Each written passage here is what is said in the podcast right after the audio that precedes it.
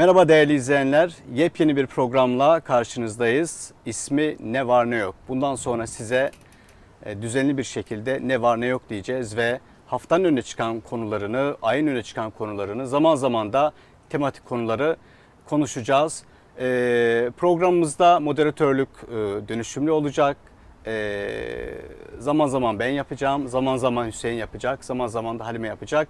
E, Nasıl e, Halime bundan sonra yani ne var ne yok diyeceğiz. Ne Evet. diyorsun hem programın adına hem bundan sonraki süreç için sen nasıl Evet. yorumluyorsun? Şimdi e, hepimizin bir televizyon de- deneyimi var ama bu platformda ilk kez bir e, işte dijital ortamda e, konuşuyoruz. Biraz acemiyiz galiba, biraz da e, heyecanlıyız. Yeni medya ortamı Yeni olduğu için medya, biz de yeniyiz diye diyelim öyle Yeniyiz. devam aynen, edelim. Aynen Yaşımız biraz uygun değil belki bu ortamlara ama e, idare edeceğiz. Ne var ne yok güzel olacak inşallah. Her hafta e, gündemde ne var ne yok beraber bakmaya çalışacağız. Hüs- Yusuf'la, Hüseyin'le e, daha ziyade iç politik meseleleri, sosyal meseleleri konuşacağız. E, zaman zaman belki sizden gelen talepleri değerlendireceğiz. E, önünüze bir menü getireceğiz. Ne var ne yok hep beraber bakacağız. Hüseyin sen e, sende ne var ne yok diyelim. Valla ne var ne yok Yusuf. Ee, Aslında bence konu bulmakta hiç zorlanmayacağız. Çünkü Türkiye'de her Çok hafta şey var. çok şey var, çok şey yok aynı zamanda. Bakıyoruz bir haftada böyle gündem olan çok tartışmış konuları ertesi hafta unutabiliyoruz. Ama tabii biz burada bir kayıt altına alacağız bunları. Toplumsal hafızamızda da böyle bir yer edinmesini belki sağlamak adına bir katkıda bulunacağız.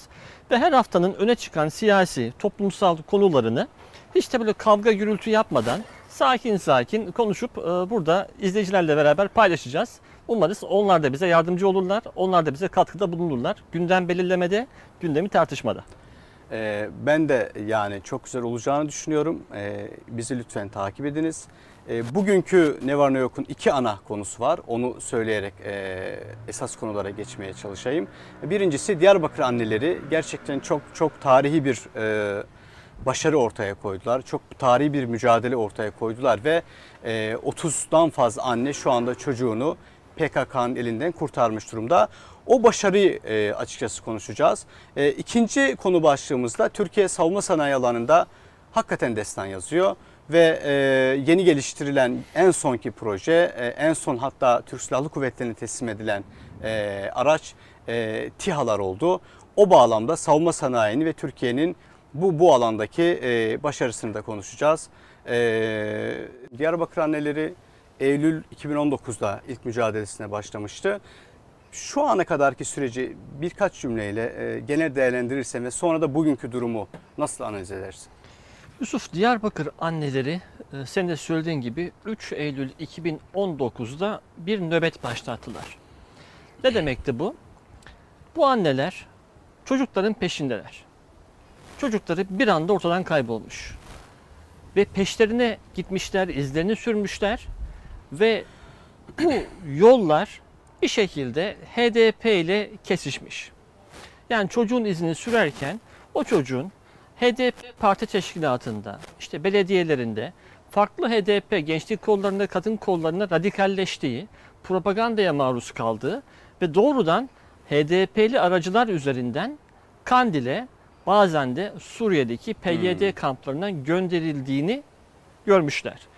Bu sebeple de HDP'nin önünde bir talepte bulunuyorlar. Yani süreç böyle mi devam ediyor? Böyle devam ediyor. Hatta biz gerçi 3 Eylül dedik ama hani hakkı 2 teslim edelim. Ağustos'ta Hacire e, Akar Hanım'ın, Hacire Tabii. Ana'nın 22 Ağustos'ta Ee, bir hafta önce nişanladığı çocuğu ortadan kaybolunca daha önce de ailesinden yine kendi bir çocuğu ve aileden başka bir çocuğun aynı güzergahtan e, Hmm. PKK saflarına katıldığını bildiği için o tecrübeyle kalkıyor gidiyor HDP il binasını taşlayarak çocuğunu istiyor. 22 Ağustos'ta Halime oraya Hacire Hanım oturuyor.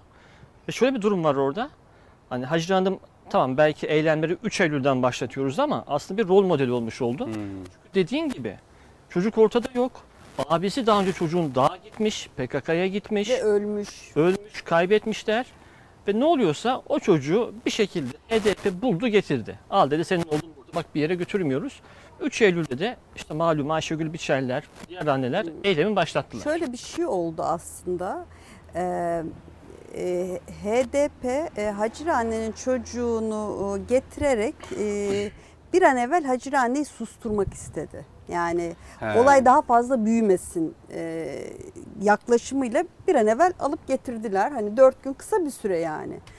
E, ama tam tersi oldu. Hacire annenin o oldu. mücadelesi evet diğer bütün annelere ha demek ki yapabiliriz noktasına getirdi. Çünkü hatırlarsınız 2014'te çözüm süreci zamanında Gülten Kışanak e, belediye başkanı iken Selahattin Demirtaş HDP eş başkanı iken başka anneler yine çocuğunu işte kandırılarak işte kaçırılmak suretiyle PKK'ya kaybetmiş e, başka anneler e, Diyarbakır Belediye Başkanlığı'nın önünde hatta ben e, Diyarbakır annelerine gittiğim gibi o dönemde gitmiştim anneleri ziyarete yine bir kadın gazeteciler olarak gitmiştik.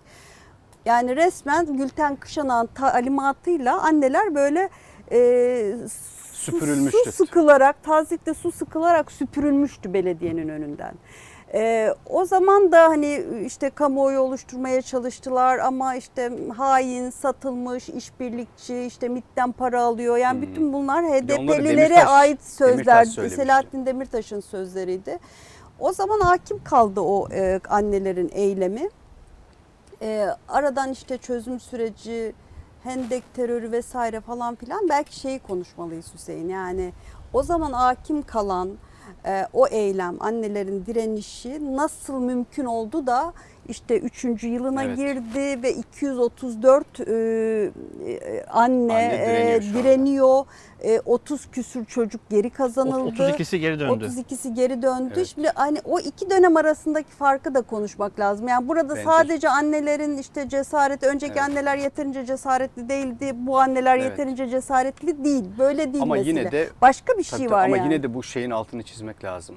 O Hacire Ana'nın e, Kuşkusuz. HDP il binasının önüne gitmesi, çocuğunu isterken ki o meydan okuyuşu, o kapıdaki camı işte e, İndirmesi. kırması, indirmesi ve orada işte o beyaz tülbentiyle bir şey duruşu var. Yani böyle bir tam Anadolu ya kadını ko- vakur korkuyu duruşu var. Onunla bir duruş tabii, yani. Korkuyu he- korkutan tam bir, bir duruş. şey tam bir meydan okuma e, duruşu ve şey de oldu hani tarihe de geçti bence. E, pek çok dergiye, pek çok gazeteye kapak oldu, e, manşet oldu. Yeter artık. Fotoğrafta Edibese- sembolleşti Tabii bu arada. bu da- Edibese dedi, yeter artık dedi ve çok hani tarihe geçen bir şeydi o. Kırılma noktasıydı bence. Hüseyin tam orada yani hakikaten o ortam e, nasıl e, oluştu? Biraz da bağlamı konuşmak lazım tabii çünkü daha önce de anneler böyle bir çaba içerisindeydi. E, ve Diyarbakır'da yani PKK'nın PKK açısından işte kendinin ifadesiyle sembolik değeri olduğunu söyledikleri bir yer Diyarbakır. HDP açısından da e, söylemlere bakıldığında öyle bir yer. E şimdi burada Hacire Ana'nın ve devamında e, diğer annelerin e, ki bu annelerimizin çoğu Türkçe de e, Kürt analar. E, bu direnişi göstermeleri Diyarbakır'da bir hem bu siyasal atmosfer açısından bunu nasıl değerlendirmek lazım hem de sosyoloji açısından belki onu Halime de cevaplayabilir. Yani sosyolojik açıdan nasıl bir, bir yere şey yapıyor bu tekabül ediyor. Tabii sosyolojik açıklamayı ben Halime'ye bırakırım. Aynen. Estağfurullah. Ama o siyasi ambiyans nasıl değişti de bu mümkün olduğu kısmı bence çok önemli bir soru. Çünkü dönem dönem Halime'nin az önce bahsettiği o 2014 yılındaki e, süreçte de biz annelerin seslerini duyduk. Taleplerini, e, ısrarlarını gördük. Ama nasıl oldu da bugün artık 700 günü geçti. 3 Eylül'de yıl dönümünü yapacağız bu eylemlerin başlamasının bu kadar sürekli bu iş devam edebildi. Ve bakın hani böyle haftada bir, ayda bir sembolik görüşmelerden bahsetmiyorum. Her gün oradalar. Çadır orada ve anneler her gün hafta sonu hafta içi hep oradalar. Ve sadece Diyarbakır'da çadır da hiç değil. kalkmadı yani. Hep orada ve sadece Diyarbakır değil. Hakkari, Şırnak, Şırnak, Muş, İzmir'de. İzmir'de bir anne. Almanya'da bile parlamento binası Hmm. önünde oturan bir anne. Berlin'de bir anne. Ve böyle Van, hakeza Van'da çok kalabalık. Yayıldı. Hem coğrafi olarak yayılmasını gördük hem de zamansal olarak çok Evet. uzun bir süredir devam ediyorlar. Peki nasıl mümkün oluyor bu? Nasıl oluyor? Önceki neden mümkün olmadı, bu mümkün oldu dersek bir kere Haziran'da başta olmak üzere bu anneler bu sefer çok güçlü geldiler ve korku duvarını yıktılar. Ve artık Bu anneleri az evvel sen dedin ya hani süpürdü Gülten Kışanak diye böyle tabiri caizse e, kaba güç Yok, kullanıldı, caiz ittirdiler. Değil, direkt, caiz Tabii, tabii. yani. Fiil İttire oydu kaktıra. yani. Tabii, tabii. Belediye iş kaktıra. makineleriyle su sıkarak, köpük sıkarak Bugün onu yapamazlar ve yapamadılar. Bugün tam tersi oldu. HDP artık baş edemedi ve il başkanlığını güya tadilata aldıklarını söylediler ve orada kimse yok artık. Evet. Şunu yaptılar Yusuf. Remziye Tosun başta olmak üzere HDP'li milletvekilleri şimdi ağzım alamayacağım şeyler söyledi bu annelere. Hakaret, işte Hmm. iti- ittirmece böyle hani bayağı kaba güç de kullanıldı. Gitmiyorlar. Ve devlet de onlara güvenliği sağlıyor açık konuşalım. Kalkıp da kimse bu Tabii. güç kullanamaz artık. Ve Remziye Tosun da bundan dolayı zaten e, fezlekeyle karşı karşıya kaldı o tavrından ötürü. Halime sosyolojik açıdan e, nasıl değerlendiriyorsun? Yani Diyarbakır'da e, böyle bir sürecin olabilmesi, e, anaların yani daha önceki eski yıllara baktığımızda PKK'nın kepenk kapatmalarıdır. Ondan sonra insanlara tehdit etmesidir, sivil Evet. cinayetleri, öldürmeleri, katliamlar. Hani böyle bir şeyden hani tünelden baktığımızda sosyolojik olarak Diyarbakır'daki ve Ee, genel bu şey e, süreci nasıl değerlendiriyorsun? Evet. Ya e, ben gazeteci olarak çok gittim. E, yani hem çözüm sürecinde, çözüm sürecinden önce ve tabii ki yani hani bu memleketin derdiyle dertlenen insanlar olarak çözüm sürecinde çok pozitif e, karşıladık. Hepimiz çok pozitif karşıladık.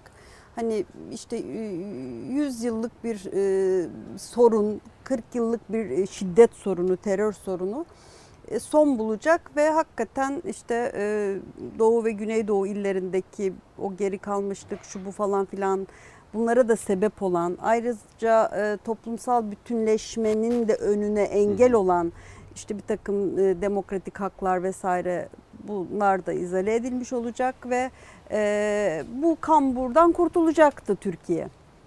E, o yüzden e, yani hepimiz çok müspet değerlendirdik. Tabii ki yani süreç içerisinde her şey doğru yapılmış olmayabilir ama çok iyi niyetli bir yaklaşımdı ve Türkiye kamuoyunu e, sürece dahil eden bir yaklaşımdı. Yani Türkiye'nin her şehrine gidildi, şehit anneleriyle e, görüşüldü, onların rızası alınmak istendi ve yine orada annelik e, nosyonu çok ön plandaydı. Çünkü gerçekten e, çözüm sürecinde de çok iyi hatırlıyorum. E, oğlu e, terörle mücadele esnasında şehit olmuş e, bir anneyle e, oğlu dağa kaçırılmış bir anneyi yan yana getirebilmek bu çok güçlü bir Hmm. fotoğraf. Çok güçlü bir fotoğraf.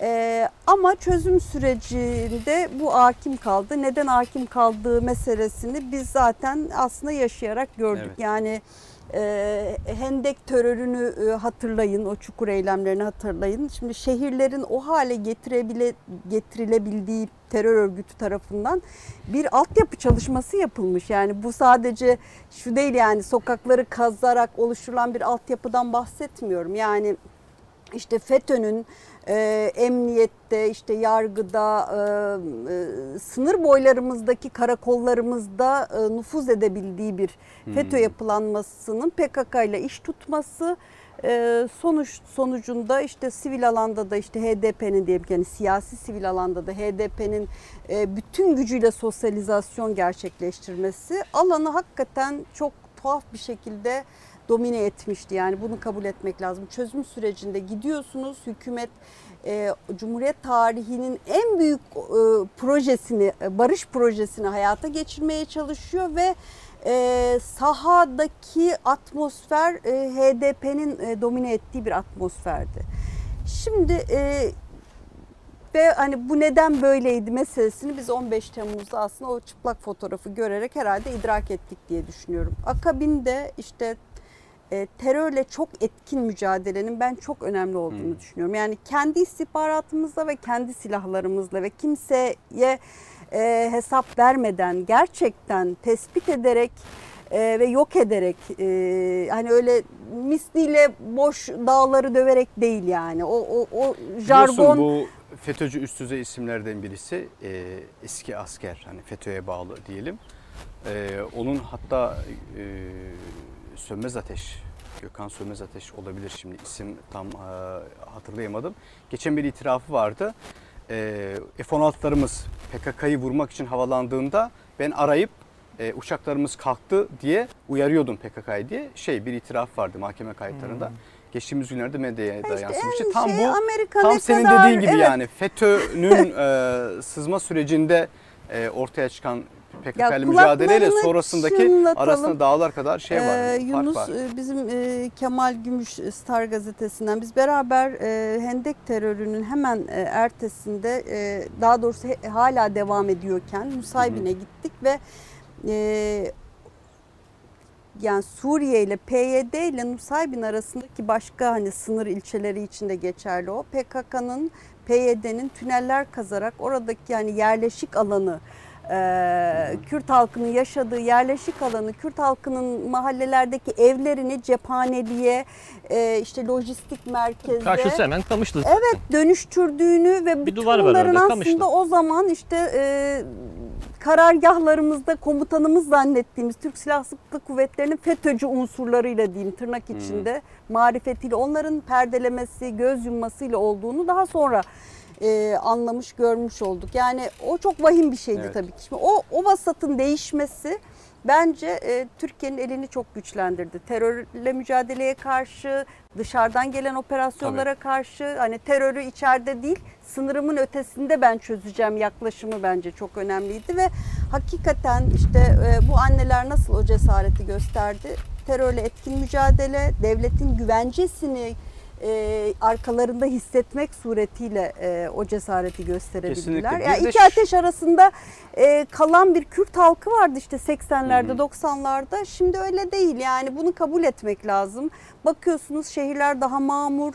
E, işte hani insanların Kürtçe konuştuğu konuştuğu için terörist ilan edildiği dönemlerden Kürtçenin bizim hani ana dilimiz bize helal Kürtçe propaganda yapabiliyoruz, Kürtçe müzikle eğlenebiliyoruz. Gidiyorsunuz İstiklal Caddesi'nde e, her köşe başında Kürtçe, Arapça, İngilizce, Türkçe insanlar halay çekiyor, oynuyor. Şimdi bu iklim değişikliği bence insanları doğal olarak çok Bu şey ne diyorsun cesaretlendirdi. peki? Geçen bir televizyon programının e, tırnak içinde ünlü bir sunucusu Hmm. Kürtçe Hmm. konuşan vatandaşa bayağı Evet, bir, bir an- bir an etti yani, kendimi şöyle azarladı. E, hissettim. O, o- onu nasıl şey yapıyorsun, yorumluyorsun? Ee, hakikaten e, Ahmet Kaya'yı Fransa'ya e, gönderen e, bir zihniyet vardı Türkiye'de Hı hı. bir zamanlar biliyorsun. Çatal falan fırlatmışlardı yani adama.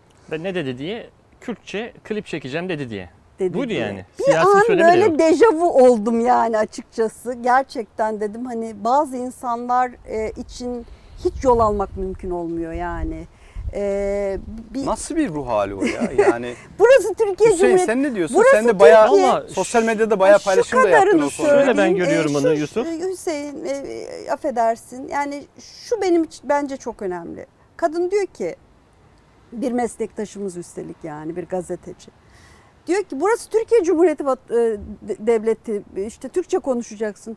Tam da burası Türkiye Cumhuriyeti olduğu için Kürtçe konuşabilmeliyim yani. Anlatabiliyor muyum? Yani ba- bana bu devlet Kürtçe konuşmamı temin edebildiği için ben bu devletin bir vatandaşı olarak kendimi hissedebiliyorum. Ha, bu zihniyete geçmedikçe işte Kürt sorunu neden var, neden oluştuğunun aslında tam böyle fotoğrafıydı yani. Yani. Hüseyin yıllar geçti aradan. Şimdi 2013 e, yani 2010'lar 2013 çözüm süreci vesaire Hendek terörleri Türkiye bunları atlattı. Hani Hendek terörünü vesaire e, ciddi bir demokratikleşme paketleri açıklandı. Nasıl oluyor da yani böyle bir canlı yayında böyle bir cümle kurabiliyor sence? Yusuf hani az önce Haleme'nin e, referans verdiği Ahmet Kaya e, hadisesi hani Kürtçe klip çekeceğim dediği sonra o çatalların bıçakların havada uçuştuğu hadise hafızam beni yanıltmıyorsa 99'da gerçekleşti. Hmm. Ve akabinde Ahmet Kaya burada barınamadı, yurt dışına çıktı ve kısa bir süre sonra da hayatını kaybetti. Bakın 99 senesi diyoruz. Ondan bir 10 yıl sonra 2009 yılında Türkiye TRT Kürdi o zaman TRT Şeş deniyordu adına ama sabah akşam Kürtçe yayın yapan yani ezgileri Kürtçe olan dizileri işte müzik programları Kürtçe olan haberleri Kürtçe olan bir kanalı Bu devlet doğrudan açmış oldu. Kamu bir, bir ara cümle kurayım. Diyarbakır annelerini konuştuğumuzdan dolayı e, annelerini görüp teslim olmaya gelen işte o kişiler genelde şu cümleyi kurdular. Evet. TRT Kürdi'de annemi burada gördüm, izledim. O yüzden dayanamayıp Bu geldim diye. önemli, TRT. Kürdi'nin oradaki hani işlevini de bir şekilde altını çizmiş oluyoruz. Ya Yusuf ona bir parantez yine açalım. Ama şuradan istersen gideyim ben. 2009'da biz devletin doğrudan kendisinin yaptığı yayıncılığın içerisinde Kürtçeyi gördük. Bakın üzerinden onun artık 10 yılda geçti, 12 yıl, 13 yılı geçti. Halen daha bunu benimsemekte zorlanan kesimler var. Orada dikkat edersen o sunucu da nasıl tepki vereceğini tam kestiremiyor. E bir yandan ya işte ben de biraz anlıyorum diyor. Bir yandan burası Türkiye Cumhuriyeti diye neredeyse bağırmaya başlıyor. Yani halen daha bu sivil yanımız kamunun Kürtçe'ye bakışı kadar özgürleşemedi. Ya normalde şu olur. Toplumlar Evet. devletleri daha ileriye çekerler, özgürleştirirler. Türkiye'de devlet 13 yıl önce bu adımı atmışken halen daha ana akım dediğimiz özel yayıncılıkta böyle bir tuhaflık var. Şunu da söyleyeyim. Ya tamam Türkçe yayın yapan bir kanalda Kürtçe bir ifade geçerse bunun tercümesi gerekir. Çünkü izleyiciler bunu anlamayabilirler. Ama eğer o yayın esnasında tercüme ettiremiyorsanız, imkanınız yoksa, siz de konuşamıyorsanız Kürtçeyi, o zaman en azından bir özür dilersiniz izleyicilerden. Evet. Ve belki de hani e, o ifadeyi kullanan kişiye Türkçesini de söylemesini istersiniz. O yayında bir panik havası izledik. Çünkü halen daha bu sivil damarımız çok sivilleşemedi. Bunu özümseyemedik. Diyarbakır annelerinin TRT Kürdi ile e, desteklenmesi kısmı bence çok önemli bir konunun altını çizdin. Ben doğrudan bunu dönüş yapmış gençlerden duydum. Hmm. Nasıl haberin oldu?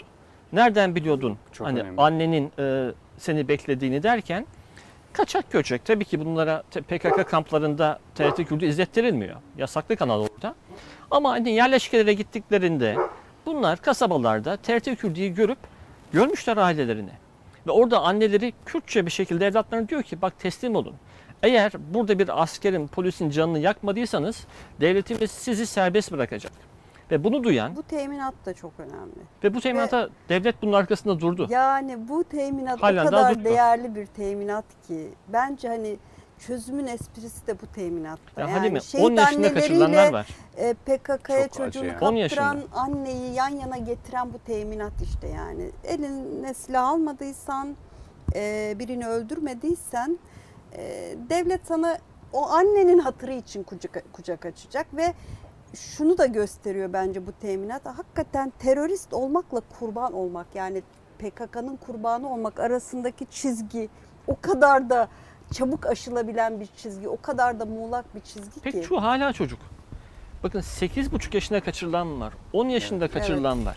Çocuk bunlar. Ya anne diyor ki ben diyor onun ilaçlarını hani çocuk kronik e, bir hastalığı var çocuğun diyor benim aklım çıkıyor okula gittiğinde geldiğinde hani ilacı şaşar ilacının saati şaşar diye ben onun ilaçlarını böyle düzenli olarak veriyorken çocuğum şimdi nerede ne yapıyor bilmiyorum. Ya Hani şunu ben duydum Halime. Ee, çocuğunun bazı engellerinden dolayı e, hani savaşamayacak, bir, e, sportif aktivite de yapamayacak olduğunu düşünen anneler şunu söylüyorlar. Çocuğumu canlı bomba yapmak için kaçırdılar diyorlar. Hmm. Ya bunu söyleyen bir annenin o yaşadığı ızdırabı şey- düşünün. O bir oradaki şey. ortamdan hareketle bakarsak bence doğru da söylüyordur. Çünkü biliyor oradaki süreci. O- Orada da bir kulaktan kulağa bir başka bir gazete e, bir haberleşme süreci de işliyor. Ben de bu Diyarbakır anneleri konusunda hakikaten e, tarihi bir adım olarak görüyorum. Çünkü bizim hani e, işte yani bu son 20 yıl içerisinde baktığımızda 90'lardan itibaren hani bizim daha böyle kamuoyunu takip edebildiğimiz süreç e, için söylüyorum. en güçlü sivil direniş Ee, oldu bu baktığımızda bence. işte bu Diyarbakır'da e, yani kendilerini en güçlü gördükleri yerde tabiri caizse ya, ve e, Kürt anaların ya ortaya çıkıp bu meydan okumaya yapmış olmaları bence PKK'nın askeri anlamda bitirilmesi, e, yok edilmesinin dışında en az onun kadar çok değerli bir e, şey e, sonuç sonuç ürettiğini düşünüyorum. Şunu Çünkü da, tam e, orada en güçlü gördükleri yerde bu şey meydan okumaya yaptılar. Ve bunun şöyle toparlayayım ve bunun e, maalesef yani bütün siyasi kesimler tarafından eşit seviyede desteklenmediğini gördük. Halbuki bu bir şey. Bu Türkiye'nin e, AK Parti'nin mücadelesi değil. Türkiye Cumhuriyeti Devleti'nin kendisine karşı kendi ulusal birliğini, bütünlüğünü bölmek için ortaya çıkmış bir terör örgütünün yıpratılmasını ve buna karşı anaların gerçek anlamda hak arayışını ortaya koyan bir süreç. Bu bir siyasi süreç değil. Daha önce böyle bir şey düşünülemez yani orada böyle bir direnişin ortaya konulabilmesi. Bugün konulmuş. Dolayısıyla bütün siyasi partilerin E, bunu desteklemesi lazımdı. Fakat biz hani AK Parti, Milliyetçi Hareket Partisi yani Cumhur İttifakı ortakları dışında e, anaların bu e, haykırışını destekleyen bir yapı maalesef Bir turnusol, göremedik. e, Turnusol oldu işlevi ya, gördük. Gerçekten. Cumhuriyet Halk Partisi, e, İyi Parti ki İyi Parti kendisini tırnak içinde işte Milliyetçi. milliyetçi Hayır, bir gibi, de Türk milliyetçisi şöyle gibi de devletin birliği bütünü Yusuf, bağlamında muhalefet, gösteren bir parti. Ee, Ortaya koymadılar böyle bir akıl performans. verdiler. Ee, çocuklarınızı HDP'den değil gidip devlet AK Parti'den isteyin Tabii, diye akıl e- verdiler. Yani ediyorlar. bu bu, Çok bu enteresan. dehşet bir şey. Gerçekten Şunu da yani beklemiyorlardı çok bence. alçakça bir e, hareket bu gerçekten. Kesinlikle şunu da beklemiyorlardı. Yani belki ilk günlerde çoğu insan da beklemiyordu. Ee, şu ana kadar 32 Dönüş ee, çocuk diyelim ki Kaçmayı annesinin başardı, haykırışını duyup işte TRT Kürdü'den vesaire farklı kanallardan geri dönmüş. Bence bu çok yüksek bir rakam. Ya demek ki bu şunu gösteriyor. HDP'ye de bir hani okların HDP'ye dönmesini, dönmesini de sağlıyor. Demek ki ve bu geri dönen çocuklar da HDP aracılığıyla gittiklerini kabul ediyorlar. Bazılarını da Hacı Ana gibi çocuklarını HDP Ya, e, e, geri getirdi. şunu Bir ara bence, e, ara istasyon gibi Yusuf, bir durum var. Ara Şu, istasyon. po- şu cümleyi kurabiliriz. Diyarbakır anneleri HDP ile PKK arasındaki ilişkinin fotoğrafını filtresiz bir şekilde çekti yani. Çok net, cam gibi ortada. Ee, kimse e, şunu söyleyemez. HDP ile e, PKK arasında bir ilişki yok diyemez. Çok açık ve filtresiz bir fotoğraf var. Yani Diyarbakır annelerinin e, mesajının en güçlü tarafı da bence bu. E, şu da çok önemli. Konuşmalıyız. Sen işte muhalefet partilerinin e, sürece bigane kalmasını eleştirdin çok haklı olarak. Öyle bir iklim oluştu ki e, muhalefette. Zaten hani e, muhalefete ilişkin en şey eleştirimiz de bu zaten bizim. E, ya PKK'dan medet umar hale geldiler. Yani PKK bir meşruyu Türkiye'nin %50'sinin oyunu alan AK Parti'den daha sevimli geliyor onlara. Yani bu bu çok PKK hakikaten mı HDP mi? PKK da HDP de yani şimdi bu şu örneğimizde PKK ile HDP arasındaki ilişki bu kadar çıplak iken AK Parti'yi PKK'dan ve HDP'den daha kötücül, daha tehlikeli gören bir yaklaşım var. Hani bu e, bu hakikaten araştırılması gereken Yani bir o zaman şey yani. soruyu şöyle sorayım. Senin de pas verdin Hüseyin'e. Yani CHP ve İyi Parti'nin ötekisi hani bu anlamda kim olmuş oluyor şu Türkiye'deki siyasal zemine baktığımızda? Tabii muhakkak AK Parti oluyor. Şimdi HDP ile ittifak kuran siyasi partilerin ötekisi tabii ki HDP olamaz. Şu çok önemli Yusuf. Hani e, görmüyorlar dedik. Ama bunun da ötesinde mevcut eylemlere köstek doluyorlar. Az önce Halime de söyledi, sen de söyledin. Yani gidin işte devletten sorun çocuklarınızı. HDP'yi rahatsız etmeyin şeklinde bir söylem var. Bunun da ötesinde sürekli şu söyleniyor. Ya bu annelerin eylemi bir AKP projesi. Ya bu kadınlar tehdit alıyorlar. Bakın Ayşegül Biçer'in evini kundakladılar. Evet. Belediyelerde çalışan insanlar daha öncesinde HDP'li belediyelerde çalışan insanlar bu tarz eylemlere başladıklarında başlamaya doğru bir temayül gösterdiklerinde işlerinden oldular. Her türlü tehdit baskıyı görüyorlar ve halen daha oradalar. Artık hani e, 700 günü geçtik, 800 güne doğru gidiyoruz. Evet. E, Bunu AKP projesi demek, hayatlarını tehlikeye atan ve çocuklarından başka bir talepleri olmayan bu annelere bu iftirayı atmak çok çirkin. O yüzden keşke görmeselerdi, keşke hiç konuşmasalardı, hiç gitmeselerdi yanlarına ama bu çirkin ifadeleri de kullanmasalardı anneler hakkında. E şuna da bakalım yani e, hani insan hakları, işte kadın hakları, sivil toplum, Çocuk. çocuk, hakları vesaire. Şimdi bunun bayraktarlığını yapan bir sürü dernek, örgüt, uluslararası kurum vesaire var.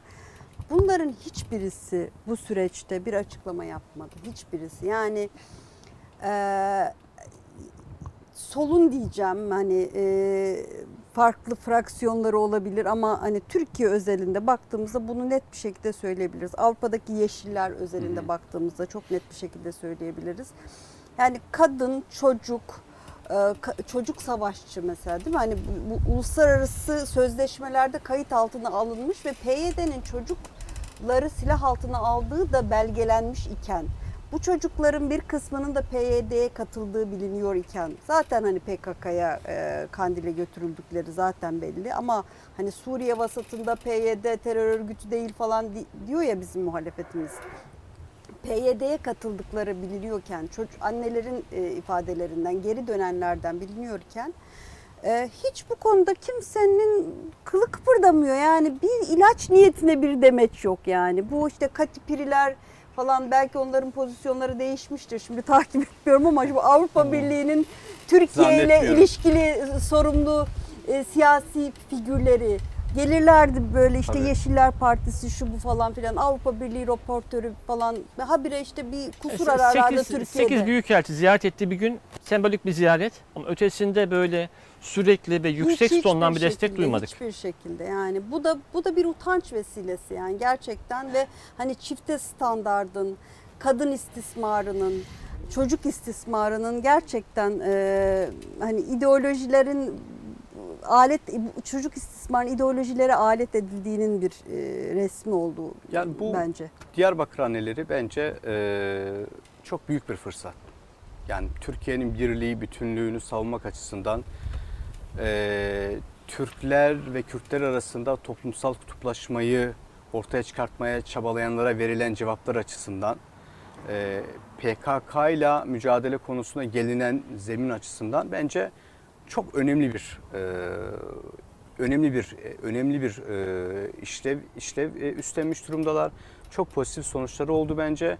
Bundan sonraki süreçte de e, Kürt çocuklarının PKK tarafından kandırılması, daha kaçırılması e, vesaire gibi süreçlerde bunun çok daha fazla bir hani etki ortaya koyacağını düşünüyorum. Yani daha fazla insanlar düşünecektir. İdeolojik olarak belki angaja olanlar olsa bile bunu daha fazla bir e, toplumsal zeminde etki e, üreteceğini Şöyle de bir düşünüyorum. şey var Yusuf. Bunu bir fırsat olarak görmek lazım. Türkiye'deki bütün şeyler, senin hani farklı fraksiyonlara vurgu yaptın ya, bütün siyasi partiler, bütün sivil toplum kuruluşları e, Türkiye'nin birliği bütünlüğünü savunma bağlamında bu terör, teröristleri ortadan çıkartmak ve işte farklı yaklaşımlarını söylemsel olarak hani e, dile getirebilmesi bağlamında Diyarbakır annelerinin ortaya koyduğu bu şeyi, cesareti yani bir kalkış noktası olarak görüp desteklemeleri lazım. Bugüne kadar desteklemedilerse bile bundan sonraki süreçte destekleyebilirler. Böyle bir şey e, fırsat var. Suriye vasatı Türkiye'deki sol örgütler için yani işte bu hani şiddet kullanan diyelim MLKP gibi, DHKP gibi sol örgütler için aslında doğrudan e, işte örgüt e, üyesi gençlerin eğitim aldıkları bir e, platoya olarak kullanıldı. Yani katar katar çocukları oraya götürüp Tabii. böyle e, radikalleştiren, teröristleştiren aslında işte yani çocuk kurban mı terörist mi ayırt edemiyorsun yani çok ince bir çizgi var üniversitelerden işte park yapacağız diye yani işte bu tür hani bir takım şeylerle e, işte sanki gidip orada işte hani e, Kobani'de işte çocuklara işte park yapacağız ya da eğitim faaliyeti yapacağız gibi dernekler adı altında götürüp çocukları radikalleştirip terörize ettiler. Bu kayıt altında yani bunu devlet de çok iyi biliyor ama bunu e, pek e, Diyarbakır anneleri de söylemiş oldu. Hı hı. Bence bu çok önemli. İki, e, bu süreçte yani son birkaç yılda e, PKK'ya e, katılım yani gençler arasında PKK'ya katılım inanılmaz azaldı. Yani böyle hani bir elin Evet. parmaklarına hı. neredeyse indi diyelim yani. Bunda da bence Diyarbakır annelerinin katkısı Kesinlikle. çok büyük gerçekten. Tabii ki işte hani söyledik hakikaten terörle etkin mücadele. Ee, terörle e, sınırlarının ötesinde mücadele, terörü kaynağında yok etme, kendi istihbaratınla ve kendi silahınla yok etme. Bunlar e, bir araya gelince işte bu güçlü direniş, e, hani hep sosyal medyada falan şey diyorlar ya anne terliği. Hakikaten Diyarbakır anneleri öyle bir terlik gösterdi ki yani senin işte e, dronlarla şunlarla bunlarla doğrudan hani e, PKK'nın mağaralarına yaptığın e, devletin yaptığı imha faaliyetleri kadar güçlü bir e, ses çıkarttı bence Diyarbakır annelerinin direnişi. Korku duvarı yıkıldı diyebiliriz. Konuyu da değiştirelim bence. Buradan şey geçiş yapalım. Ben şöyle söyleyeyim. Ama aslında ilişkili tabii. Senin anlattığın konuyla benim soracağım soru ve diğer konuda ilişkili. Şimdi PKK'nın mahalle baskısı e, kaldırılınca e, Kürt anaların e, ve Kürt babaların e, aynı şekilde çünkü orada babalar da var. E, kendi haklarını ifade edebilme, talep edebilme ve seslerini daha gür çıkarabilme, güvenlik korkusu yaşamadan bunu ort- söyleyebilme zemini ortaya çıktı. Demek ki orada bir güvenlikle alakalı bir mesele de vardı. Şimdi bu güvenlikle alakalı meseleye baktığımızda Hüseyin Türkiye işte son 7-8 yılda özellikle e, hem ciddi operasyonlar yapılıyor ama bir bir taraftan da kendi silahlarını e, geliştiren, e, üreten bir ülke konumuna Türkiye ulaştı. İşte Afrin operasyonu Türkiye yaptığında %70 kullanılan mühimmatın %70'i yerli üretim e, idi ki bu daha da fazla artırılmaya çalışılıyor şu andaki süreçte. Şimdi e, çok yakın bir süreçte e, insansız işte silahlı insansız hava aracına ek olarak bunun bir üst e, aşamadaki Taarruz. TİHA taarruz insansız hava aracı e, üretildi ve Türk Silahlı Kuvvetleri'ne teslim edildi. Selçuk Bayraktar'ın ifadesiyle söylersek askere gönderildi e, TİHA'lar ve bu TİHA'ların ha, teknik kapasitesi çok e, yüksek. Hani ben ona girmeyeyim. Bu anlamda baktığımızda hem bu Türkiye'nin e, savunma sanayi alanındaki gelişmelerin terörle mücadelesine etkisi ve bu yeni e, eklenen işte daha üst düzey araçlarla birlikte Türkiye'nin terörle mücadele kapasitesi ve bölgesindeki kapasitesi nasıl etkilenir, nereye doğru gider? Tam da bir önceki konumuzla bağlantılı bir durum bu Yusuf. Çünkü terörle mücadele nasıl olur sorusuna kapsamlı bir cevap vermek gerekiyor. Terörle mücadele sadece silahla yapılmaz. Bunun toplumsal bir zemini de olur. Ama silahsız da yapılmaz. Çünkü karşında vatanından milletine kasteden ve sana saldırırken silah ararken hiç de zorlanmayan, sağdan soldan Doğru. tırlarla kendisine silah sevkiyatı yapılan Bedava bir suç üstelik örgütü var. yani bedava. Bedava parası da var örgütün. Hani uyuşturucu da e, üretiyor, satıyor. Her türlü kara para işlerine giren Amerikan bir örgüt. Kongresi'nden PYD yardım paketi geçiyor mesela. Yardımlar, Bedava. e, her şekilde envanteri zengin bir örgüt var. O yüzden bu örgüte karşı silahsız da mücadele edilmez. Peki nasıl silahlarla mücadele edeceğiz? İşte bu senin bahsettiğin son 7-8 yıllık süreç aslında bu sorunun cevabının bir nevi doğrudan kanıtı olmuş oldu. En son e, bu hafta envanterimize giren e, Akıncı taarruzi insansız hava aracı dediğimiz TİHA'lar senin de söylediğin üzere teknik açıdan artık Türkiye'nin terörle mücadelesini bambaşka bir noktaya taşıyor. Neden? Birincisi daha yüksek irtifadan yani görünmeden, fark edilmeden uçabiliyor. İkincisi daha uzun süre 24 saate kadar görev yapabiliyor, havada kalabiliyor. Üçüncüsü daha yüksek e, ağırlıklarda tonaj, Evet. daha yüksek, daha ağır mühimmat taşıyabiliyor.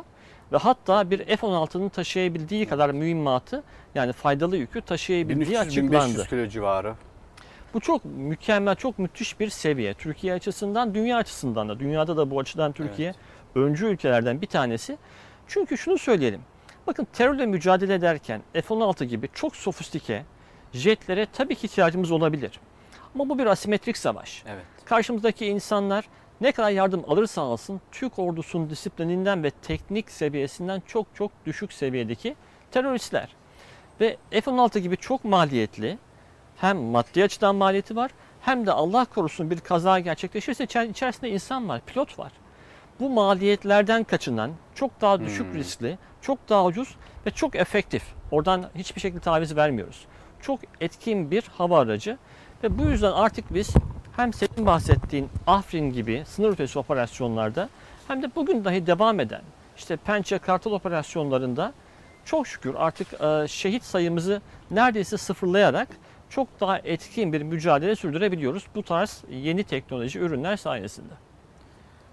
Halime sen nasıl yorumluyorsun? Evet. Şöyle sorayım ama yani e, biraz burada atmosfer de önemli şu, şu açıdan. Yani daha önce de e, pek çok işte savunma sanayi alanında çalışmalar vardı yani yapılıyordu ama ya bir şekilde kesintiye uğruyordu. Bir şekilde akim kalıyordu. E, sonuca ulaşamıyordu. Şimdi bu e, bu şekilde İHA'lar önce sonra SİHA'lar sonra TİHA'ların e, envantere girmiş olması ve e, Selçuk Bayraktar'ın şimdi yeni hedefimiz insansız savaş uçağımız yapmak gibi bir hedefi koyabilmesi. Bu yani siyasal atmosferden hareketle bakarsak O nasıl yorumluyorsun? Evet. Şimdi e, dün e, tabii bu işte TİHA'nın e, askere gönderilmesi e, meselesinin işte o törensel ortam e, dolayısıyla takip ettim o süreci Hı hı. ben de. Selçuk Bayraktar bir e, şey anlattı. İşte bundan kaç yıl önce 2000 2000 2004-2005 2004-2005 civarı. Evet. Ee, işte bu şeyden yani İHA, e, SİHA yapma projesinden e, bahsettiğinde kendisine verilen cevabı ya da ekibine verilen cevabı hani bunun işte alasını yapıyorlar e, Batılılar almış gitmiş hani biz ancak işte o konuda siz bize aracı Hı, olun tercümanlık e, yapın. tercümanlık yapın e, diye karşılandığını söylemişti. E, o günden bugüne çok şey değişti tabii ki. Yani ama Tabii. nasıl? İşte hatta bir yerde de şey demişti abisi için hani Baykar'ın e, yönetim kurulu başkanı zannedersem hani neredeyse tutuklanacaktı Evet. a- abim dedi. E, tabii onlar bir örnek. Pek çoğu var yani şu anda Türkiye'de e, savunma sanayine e, işte e, mühimmat ve işte e, helikopter, e, tank vesaire üreten, motor e, üreten e, bir sürü firma var ve bu bir bu bahsettiğin iklimle oldu yani. yani bir şey değişti, yapabiliriz. Neden olmasın? Ve bir siyasi irade gördüler arkalarında. Yani bütün bu olmadan işte ta Türkiye'nin Evet. hikayesi bu yani Tabii. işte ilk uçaktan işte otomobile kadar e, yani yapmak isteyen vatansever e, parasını buna har- harcamak isteyen bir sürü iş adamı, mühendis vesaire yetiştirmişiz aslında yani ama bir yere gelmiş ve işte o distribütör zihniyet zaten yapılmışı var alıp kullanalım. Yapılmışı daha ucuz hatta. Şimdi Evet. de daha ucuza temin Çok edebiliyorsunuz yani. E, Niye biz üretelim? İyi de bunlar çok stratejik ürünler yani daha pahalıya geliyorsa da sen Ki- ki üreteceksin. bugün aslında daha daha ucuz olan bizim kendi ürünlerimiz. hem öyle hem öyle hem Ürün de geliştirme sürecinde yani, öyleydi ama bugün artık biz daha ucuz ee, üretiyoruz bunları. bu- Bunu şunda gördük işte yani terörle mücadelede bunun farkını çok net gördük. Sen şimdi başkasının silahını sallıyorsan onun izin verdiği kadarın yere kadar e, sallayabiliyorsun. Oraya kadar hedef alabiliyorsun. Sen daha nişanlanmadan e, vuracağın hedefe haber gidiyor zaten. Tabii bir de burada şey kısmı da çok önemli bence. Yani gençlerimiz açısından müthiş bir örneklik ortaya konuluyor. Yani gençler şimdi önüne baktığında Evet, evet. e, harika mühendislik işleri yapan bir ekip görüyorlar. Şimdi o e, TİHA'nın teslim törenine baktığımızda hep genç Herkes hep genç, genç mühendisler. Yani 20'li yaşlardaki mühendisler TİHA yapmışlar. Yani onların elde ettiği özgüven ve önümüzdeki süreçte ortaya koyacakları e, işte performans, bakış açılarındaki değişim. Ya arkadan gelen daha bu işte ciddi bir genç nüfus var Türkiye'de. Genç kuşaklarımız için çok yani pozitif anlamda bir Kesinlikle, etki e, kesinlikle. oluşturduğunu düşünüyorum. Ha, özgüven bu e, Türkiye konusunda yabancı medyada çıkan bir cümle vardı yani. Birçok yorum yapılıyor da şunu diyorlar. Ya, Türkiye için en önemli mesele İHA'ları, SİHA'ları üretmesi değil aslında. Türklerin daha iyisini yapabileceğini görmüş olmaları. Yani daha iyisini Eşik o yapabilirim. zaten Hmm. Tabii daha iyisini Eşik o. yapabilirim. Daha ileriye gidebiliriz. Bu mümkün. Bu hissiyatı elde edebilmiş olmaları. Bir de hani oradan bir background yaptığımızda ya bizim tarihimizde zaten bu hani en güçlü bir şekilde var.